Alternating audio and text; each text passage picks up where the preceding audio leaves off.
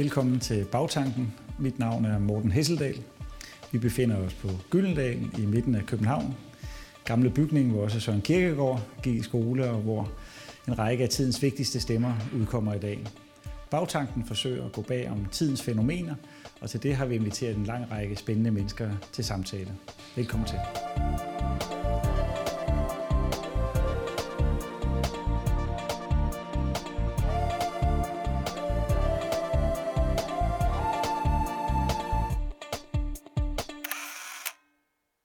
Velkommen til Bagtanken. Det er programmet, hvor vi ser bag om tidens tendenser og idéer, og i dag skal vi se bag om public service-ideen og begrebet. Vi skal se på det seneste medieforlig, og vi skal se lidt på fremtiden for, for Danmarks Radio. Og til det har vi inviteret en særdeles central aktør i hele den verden, nemlig tidligere kulturminister Mette Bock i studiet, og før ministertid så også en lang karriere i dansk presse, blandt andet programdirektør i, i Danmarks Radio. Så du kender til de her sager, og du udtalte dig i, i en øh, tv-debat med, med generaldirektør Maria Røbe Røn, at, øh, at det var meningen, at Danmarks Radio skulle forandres. Øh, hvad mente du med det, da du understregede den pointe? Altså det ville jo være meget mærkeligt, hvis ikke Danmarks Radio, eller DR, som man jo kalder sig, ikke skulle forandre sig, når alt andet forandrer sig. Altså det ligger i sagens natur, og så skal man selvfølgelig også forandre sig. Og det vil sige, at i en tid, hvor medieudbuddet jo virkelig eksploderer om ørerne på os, der er det klart, at der må man besinde sig på, hvad er kernen i landets tungeste kulturinstitution? Hvad er opgaven der, så vi er helt sikre på, at den opgave den bliver løst? Og der må man sige, at i en periode, øh, der har det er jo, hvilket jeg godt forstår, jo ønsket så vidt muligt at holde på så mange seere og lyttere som overhovedet muligt. Og det vil sige, at man har, hvis jeg skal sige det meget firkantet, gerne vil sende alt til alle hele tiden. Og det betyder jo så, at så bliver profilen uskarp i forhold til det, som er kerneopgaven for DR. Og kunne DR ikke selv se det? Altså, der sidder jo dygtige mennesker, som er, er, bruger meget tid på at analysere medier verdenen. Kunne de ikke selv se, altså, at... der øh, ligger jo nogle, øh, nogle paradoxer i det, at øh, man fra jo politisk side jo i mange år, og egentlig meget bredt politisk, har sagt til DR, sørg nu for, at den der kerneopgave bliver løftet. Det er det, som handler om dannelse, kultur, sprog, troværdighed, øh, dokumentar, øh, drama, børn. Altså de her ting, som vi ved, at det private marked faktisk kan have meget svært ved at løfte. Og det er blevet sagt så tydeligt, som man kan. Og når jeg siger det på den her måde, så er det fordi, vi laver jo så også det, som hedder public service kontrakter hvert fjerde år eller femte år, hvornår man laver medieaftaler med DR. Og der skal vi som politikere jo passe meget på med det, som hedder armslængden. Det vil sige, at vi må ikke blive alt for konkrete, men prøve at sætte en retning og beskrive nogle hovedopgaver. Og det har man jo gjort i mange år, og alligevel har der været en fornemmelse af, at det her med kerneopgaven, at det kniber det lidt med, fordi man så gerne vil nå så mange som muligt hele tiden. Øh, og så er det jo dyrt. Så når, når du slog i bordet, og politikerne besluttede at lave den her besparelse, så var det også for at sende et signal, som det hedder, til Danmarks Radio om, at man skulle holde op med at være så så ser fixeret og lytter fixeret. Er det sådan? Nej, det er ikke så meget et spørgsmål om at sige, at man skal holde op. Det er et spørgsmål om at sige, at der er en kerneopgave, som det er vigtigere og vigtigere i det her kæmpe medieudbud at få løst på en tydelig måde. Altså jeg, jeg brugte begrebet, at det skal være et kulturelt fyrtårn. Altså man skal løfte sig op over al den larm, der i øvrigt er. Øh, og så skal man nogle gange i sådan nogle store gamle organisationer skabe en brændende platform for at få truffet de nødvendige beslutninger. Og dermed skar vi så øh, Danmarks Radio med 20 procent af budgettet. Og det gav jo især i mediebranchen rigtig meget larm, fordi medierne interesserer sig, og det kan jeg godt forstå, rigtig meget for sig selv.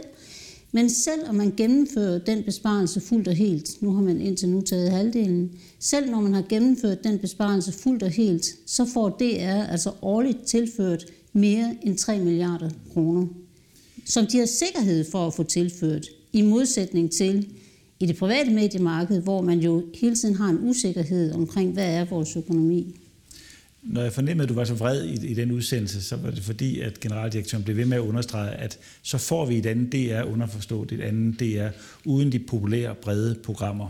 Øh, og der er pointen vel fra DR's side, at du kan ikke lave public service, uden at der er en public, og når man beskærer DR så voldsomt, som man synes fra DR, øh, så kan man ikke nå ud til så mange, og derfor kan man ikke løfte sin opgave, som er at bringe dannelse og kultur, eller hvad det nu kan være, ud til de mange, for det forudsætter de brede programmer. Køber du den argumentation? Nej, det gør jeg overhovedet ikke. Overhovedet ikke, fordi det er jo ikke et spørgsmål om, at man ikke må lave brede programmer.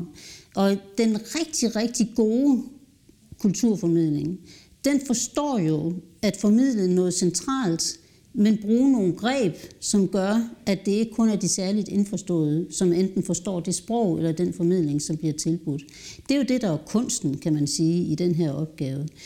Men igen, hvis man får tilført over 3 milliarder kroner om året, så kan det jo ikke passe, at man ikke kan lave noget som helst. Altså det, det er, altså, så, så har man været for forvent i for mange år. Og hvis du spørger mange andre, både medieinstitutioner og kulturinstitutioner, hvad de vil sige til at få tilført mere end 3 milliarder kroner om året, så tror jeg nok, de fleste vil tænke, det kan man godt nok lave rigtig meget godt for. Men udfordringen er selvfølgelig, at det er en meget gammel institution, som har haft sådan en organisk vækst og har tænkt efterhånden, som medieudbuddet bliver bredere og bredere, at så må man kunne matche det hele.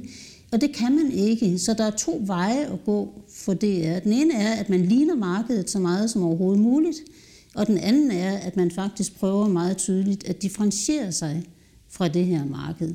Og der har signalet fra politisk side været, prøv nu lige at sørge for at få jer differentieret, så det bliver tydeligt, at her er det altså kvaliteten af indholdet, det er troværdigheden, øh, det er det, som er det afgørende for, at vi alle sammen kan se, at det er det er, som vi alle sammen betaler til, faktisk har styrket som et kulturelt fyrtårn. Det er den ene ting, som vedrører indholdsdelen. Men den anden ting og store opgave, der ligger, som er lige så væsentlig, det er, at det nytter jo ikke noget, at man producerer eller indkøber helt fantastisk indhold, hvis man så ikke kan komme ud der, hvor borgerne er. Og det der med at sætte sig ned foran sit fjernsyn hver aften kl. 7 eller kl. halv 8, og så ser man, hvad der er, indtil de slutter, og det gør de jo så ikke, fordi man også sender om natten. Det er der en del af befolkningen, især den ældre del af befolkningen, som stadigvæk gør, og flow, også vil gøre nogle over Flow TV, som ja. man kalder det. Men hvis du ser på de unges medieforbrug, så er det jo fuldstændig anderledes. Jeg gjorde det som forberedelse på det udspil, øh, den tidligere regering lavede, at jeg jo var rundt og tale med rigtig mange i Danmark, og også indbød til en diskussion øh, på nettet. Og der blev det meget, meget tydeligt for mig, den her generationsforskel, der er. Øh, og den er virkelig tydelig. Altså hvis du spørger et barn i 3. klasse, ser du nogensinde øh, børnetv på DR? Så vil de fleste sige, mm, nej, det gør jeg ikke. Og, og så tænkte jeg på et tidspunkt, det kan jo ikke passe. Vi ved jo, at øh, DR's børneindhold er rigtig efterspurgt, og mange forældre gør meget for, at deres børn kan tilgå det indhold. Og på det tidspunkt, der var der et program, jeg tror det hed Klassens Time, eller sådan et eller andet. Så sagde jeg, jamen, jamen ser I ikke det? Jo, jo, jo, jo, det gjorde de da. Jamen, hvor ser I det så henne? Jamen, vi googler det bare, siger de så. De er jo fuldstændig ligeglade med afsenderen. Og de sætter sig ikke, de selv læser ikke et fjernsynsprogram og siger, nu kommer det på det tidspunkt. de, de henter det, de går ja. efter programmerne, og så henter de det. Og den, øh, det generationsgab, der er i, hvordan vi tilgår medieindholdet, det kræver nogle investeringer også, så man kan nå folk der, hvor de er.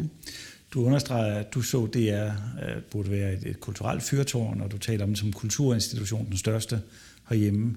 Men er sagen ikke, at Danmarks Radio i virkeligheden ser sig selv som en medieinstitution, jo. som skal konkurrere på et mediemarked, og ikke tænker om sig selv, at man er en kulturinstitution? Jo, og det var det, vi gerne ville ændre. Det var lige præcis det, vi gerne ville ændre. Men er det så lykkedes? Øh, tænker du, at der er en lydhørhed, og kan du se forandringerne i, i programfladen på baggrund af de signaler, som der bliver sendt? Altså nu lavede det er jo så i første omgang det, som de kaldte for en spareudviklingsplan. Og det er klart, at når man tager mange penge fra en institution, så kræver det jo også, at man bliver nogle færre medarbejdere, og man prøver at organisere sig på en anden måde, og at man prioriterer på en ny måde.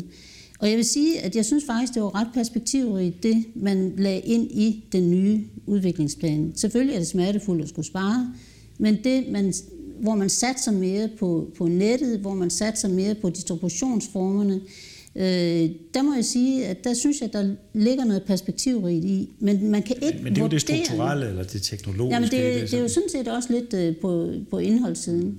Altså bare for at nævne et lille bitte eksempel. De sidste to år, der har DR øh, lavet sådan en maratonsang for højskolesangbogen. Ikke? Og nu vil alle tænke, åh, er det det, hun mener med kulturelt fyrtårn, det er, at vi alle sammen skal sidde og synge for højskolesangbogen. Nej, det er det ikke.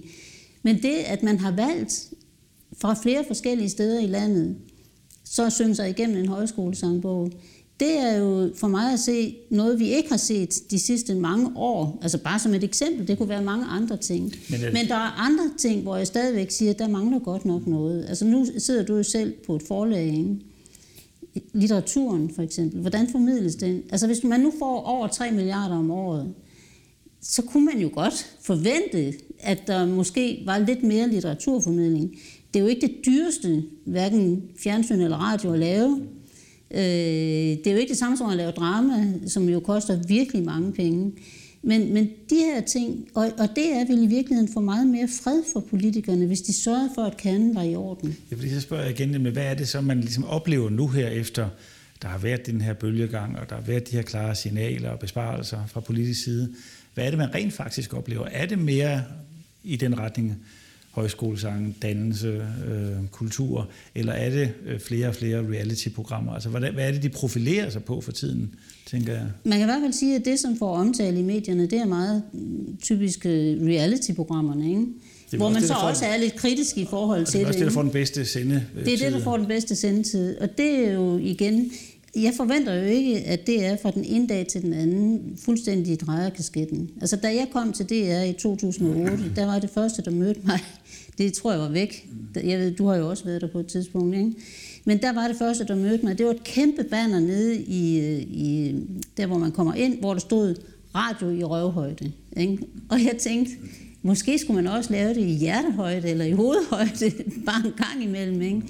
Øh, og derfor, det er jo ikke fordi, jeg siger, at det er ikke må lave den slags programmer. Nej. Det må de gerne, men de skal sørge for, at kernen er i orden. Men det er svært at få drejet sådan en kæmpe skude, som det er. Ja, det, og det forstår jeg godt, og jeg kender alt til det. Men, men, men jeg tænker alligevel, når det var så voldsomme signaler og store forandringer i DR, øh, som der blev udløst der med medieforliget, øh, så er det jo interessant at se, om det så faktisk er blevet opfattet og opfanget derude. For, for, for har du forstået, hvilken retning det er sådan, øh, fremover, når I selv sætter ord på, vil bevæge sig i? Er det på en måde, så, så det, som ligger i forlængelse af, af de politiske ønsker? Eller, eller, eller tænker man, at man stadig er en medieinstitution først og fremmest?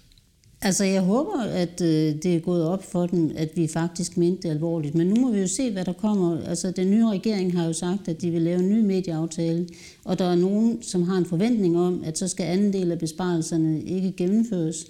Selv DR har jo været så kæk, at man har lavet en ny strategi, som bygger på den forudsætning, at anden halvdel af besparelserne rulles tilbage. Det synes jeg godt nok er kægt. Og det er sådan, hvad jeg vil sige klassisk, det er, at man tænker, ah, går den, så går den, ikke? Nu vil vi se, hvordan det går. Det er jo en ny regeringsprivilegium, at det kan man gøre. Men jeg kunne godt ønske mig, at det var blevet endnu tydeligere signaleret fra DR, at man forstår faktisk godt pointen. Og det er dumt ikke at være lydhør over for politikerne. Jeg tror, nu gætter jeg bare, men at man fra DR tænker, det er vanvittigt, det politikerne foreslår, fordi vi ender med sådan en højskole-tv, øh, og det vil sige, at den public, vi skal lave public service for, vil slet ikke være til stede. Det vil være de veluddannede, det vil være de kulturelt nysgerrige. Vi vil aldrig nogensinde kunne lå den brede del af befolkningen. Så politikerne beder om noget, som vi slet ikke ønsker. Jamen, det, det må jeg bare sige, at det er jo at være meget, meget uambitiøs på egne vegne. Fordi dermed siger man jo så, vi evner ikke at formidle for eksempel litteratur på en måde, som gør det interessant, også for dem, som ikke har metervis af bøger hjemme i deres egen bogreol. Det, det, der, det er da egentlig meget, meget øh, altså uambitiøst, og man underkender andre, eller man underkender sine egne øh, evner til faktisk at formidle på en måde, som gør, at man kan tiltrække. Og det lykkes jo en gang imellem at lave nogle greb, øh, som kan formidle også øh, dannelse og kultur øh, på en måde, som gør, at der faktisk er flere, der ser med. Det er jo lykkedes en gang imellem, og hvorfor skulle det ikke kunne lykkes noget mere? I øjenfaldene var det jo bare, at man lukkede DRK, og man ligesom ikke kunne se, at det indhold, der lå på DRK, øh, genopstod nogle af de andre steder. Så det var jo en klar prioritering fra, fra DR's side. Ja, men hvis man nu skal prøve at tolke positivt ind i, hvad det var, man sagde, man gjorde det, så sagde man, at nu lægger vi, man sagde ikke, man lukkede DRK, man sagde, at vi, lå, vi øh, DRK og DR2 smelter vi sammen til en kanal, altså et rør, hvor der kommer fjernsyn ud igennem. Men samtidig så vil man begynde at udvikle på nettet, altså indhold på nettet, øh, som også øh, drejer sig om kulturen øh, og dermed tilgå måske nogle af dem, som har nogle lidt andre medievaner, end dem, som sætter sig ned foran fjernsynet.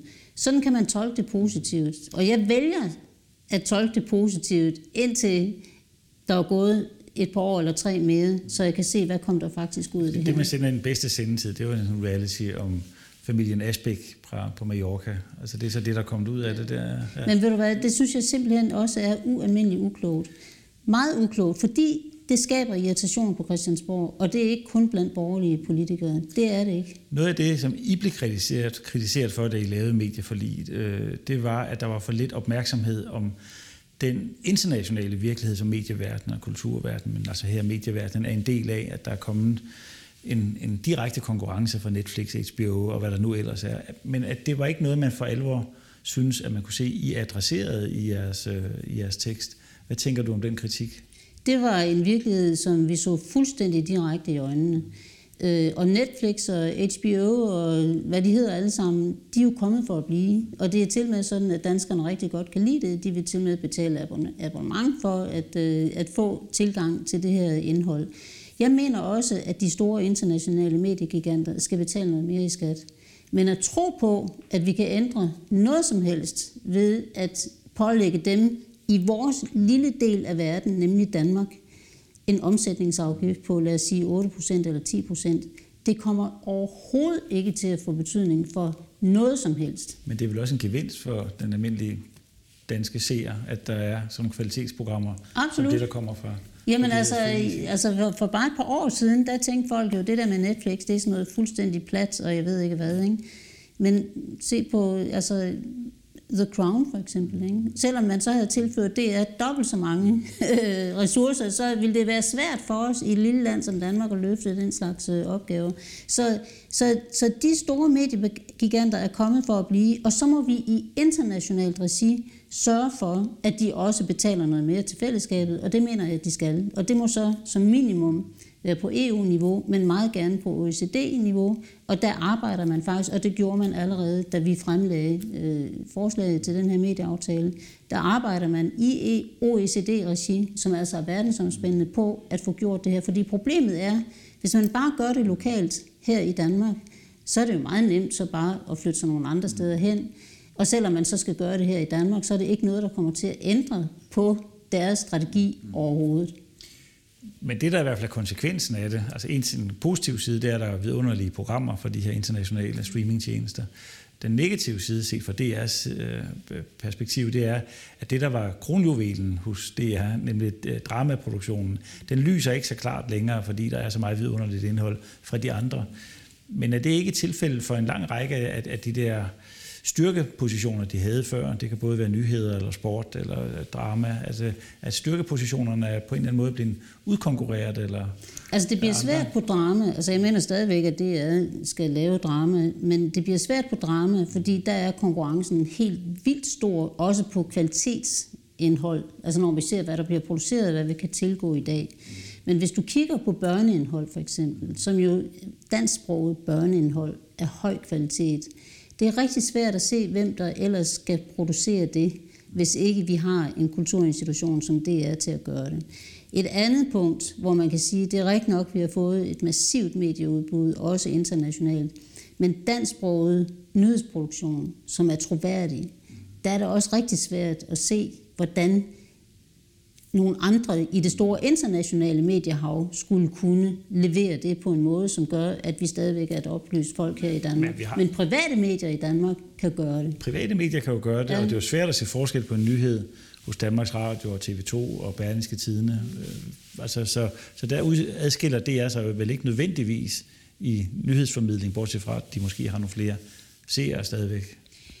Altså, der er i hvert fald en ting, der, der øh, adskiller adskiller DR, øh, den måde, det er organiseret på, fra andre, altså af de private medier, det er, at de er faktisk til stede flere steder i hele landet, end nogle af de andre er. Selvom TV2-regionerne, som jo altså ikke er TV2, selvom mange tror det, de er nogle steder i landet, så er DR faktisk til stede flere steder i hele landet. Og det er en styrke, at der er en institution, der er til stede? Altså det er i hvert fald en mulighed for, at vi kan få nogle fælles historier, mm. som det kan være svært for nogle af de andre at uh, få øje på.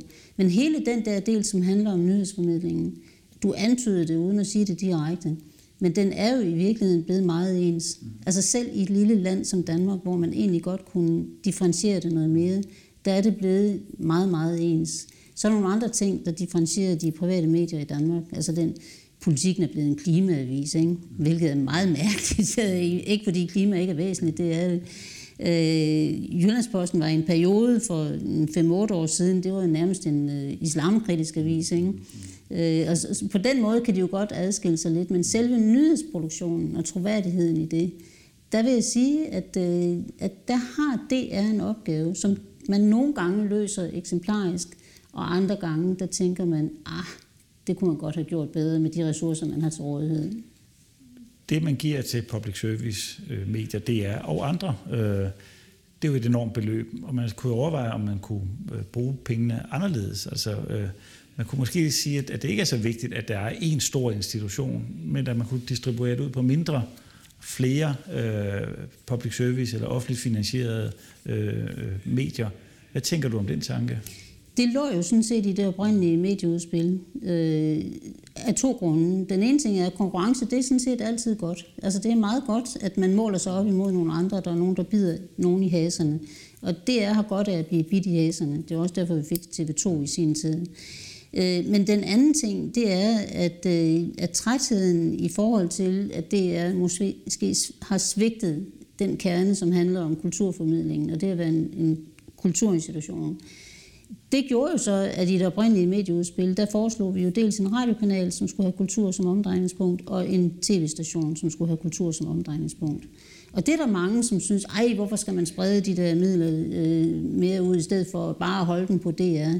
DR får stadigvæk massiv tilførsel af ressourcer, men det at nogle små nye, som tænker i kultur som den primære opgave, det kunne jo godt være, at det kunne løfte på en måde, som gjorde, at det er også blevet påvirket af den, af den vej rundt. Ville det forslag være kommet, hvis I vurderede, at DR faktisk havde løftet opgaven på de nævnte områder? Det tror jeg ikke. Altså det tror jeg ikke. Altså det, er, det var et udtryk for, at nu havde man prøvet så tydeligt som man kunne, uden at knække armslængden og sige, at de har altså en kerneopgave her, som bliver vigtigere og vigtigere, jo mere det her medieudbud det folder sig ud. Og når man så på et eller andet tidspunkt må sige, at de vil ikke, altså uanset hvad, så vil de ikke, jamen skulle vi så ikke prøve at få nogle andre til at se, om de kunne løfte den her opgave? For der er masser af talent i Danmark. Der er mange, øh, som har lysten og evnen til at prøve at formidle på en anden måde, end den måde, som har været traditionen. Det her kritiske blik på, på det, er, tænker du, at, at det var ligeligt fordelt på de politiske partier, eller hørte det hjemme øh, blandt de borgerlige mere, end, eller, eller hvordan? Altså, jeg vil sige, at øh, jeg har hørt politikere fra stort set alle partier, som har udtrykt sig kritisk, hvis du ser 10, igennem de sidste 10 år, udtrykt sig kritisk i forhold til den måde, DR har navigeret i en ny medievirkelighed på. Så ved jeg godt, at i en valgkamp, der, øh, som i den vi så sidste år, jamen der blev det meget, meget populært blandt især øh, partierne på venstrefløjen at sige, at vi elsker DR, og det er, vi skal have aflyst alt, hvad der handlede om øh, det gamle medieforlig og så videre, og nu skal de have tilført penge igen.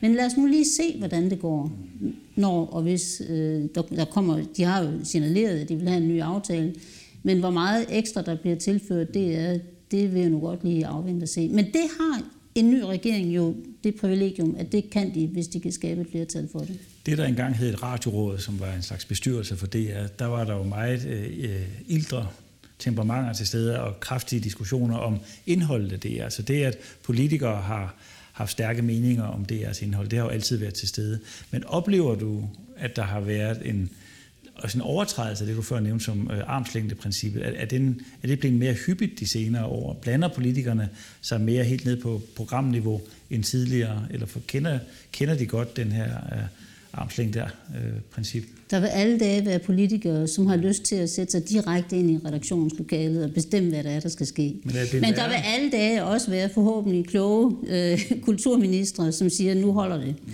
Altså jeg oplevede jo selv, da DR fremlagde sin øh, spare- og udviklingsplan, at der ville man gøre noget ved den daglige sportsdækning. Og straks var Dansk Folkeparti ude og sige, at nu må vi gribe ind, og vi må sørge for, at det ikke sker og sådan noget. Ikke? Og der måtte jeg jo bare sige som kulturminister, stands. Altså, det, det, det, det kan vi ikke gøre, og det skal vi aldrig nogensinde begynde på. Men der vil alle dage være politikere, der har lyst til at blande sig. Og nogen synes, at det er blevet værre. Men hvis man læser lidt op på historien og ser på, hvad der skete i det gamle radioråd, der gjorde man det jo altså helt åbenlyst, altså hvor man på skift skulle udvælge redaktører, enten blå eller røde redaktører, og var helt nede på programniveau at gøre tingene. Der er der trods alt sket lidt en højnelse af professionalismen i DR's bestyrelse, selvom jeg jo gerne havde set, at man havde øh, også i, den, i det medieforlig, som vi lavede, det lagde vi op til med udspillet, at man skulle sammensætte DR's bestyrelse på en anden måde, så vi ikke fik den direkte politiske udpegning, som man for har i dag. tænker, en helt afgørende forudsætning for, at det giver mening at have DR, det er jo den uafhængighed, således at man kan tro på, at DR også forholder sig kritisk i forhold til de politiske beslutninger og beslutningstagere. Og hvis den tillid ikke er til stede i befolkningen, så mister er vel en helt central ja. præmis. Men det, at man nu har ophævet licensen og flyttet den ind som en, en post på på, på, på finansloven, gør det ikke, at det er lettere at komme i spil øh, i forhold til besparelser, hvis man nu kunne forestille sig, at de har kørt en længere kritisk serie om en minister eller nogle partier, øh, at det vil have en indflydelse i sådan en situation? Nej, fordi man vil stadigvæk lave medieforlig, som rækker hen over nogle år. Og det vil sige, at øh, man har lavet, i det seneste, der var det en femårig aftale, Øh, tidligere der har det været fireårige aftaler, og så låser man økonomien for den periode. Så på den måde vil der ikke ske nogen ændringer. Men at der vil være politikere, der har lyst til at gå ind og straffe direkte og personligt lukprogrammer og alt muligt andet, det vil altid være der. Altså det, det, det kommer vi aldrig ud over, og så lad dem da ytre sig og øh, råbe og skrige og alt muligt andet. Men selvfølgelig skal det at have friheden. På samme måde som vi skal give vores lærere i folkeskolen en undervisningsfrihed, øh, vores præster har forkyndelsesfrihed osv. Altså der er simpelthen nogle basale kerneværdier, som vi bliver nødt til at værne om. det var dog tydeligere markeret ved, at det var en licensopkrævning og ikke en skattefinansiering. Ja, i princippet synes jeg også, at øh, licensen er bedre, fordi så bliver det meget tydeligt for enhver borger, at man faktisk betaler for det her.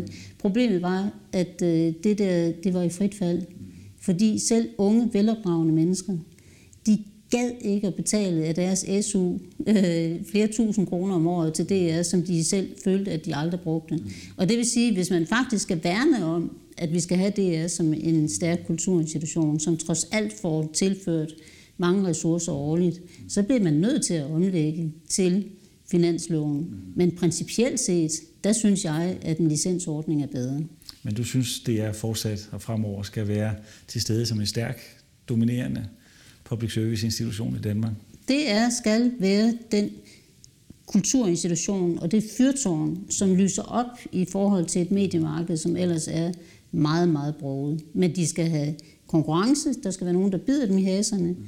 Og hvis ikke de kan finde ud af selv, hvad det er, vi rent faktisk ønsker, jamen så må man jo gøre tingene på andre måder, og det kommer til at ske. Altså det er jeg slet ikke i tvivl om. Tak for de her klare meldinger. Tak for at hjælpe os igennem DR's seneste historie. Tak fordi I fulgte med i denne ombæring af bagtanken. Vi er snart tilbage med en ny sending. Tak for nu.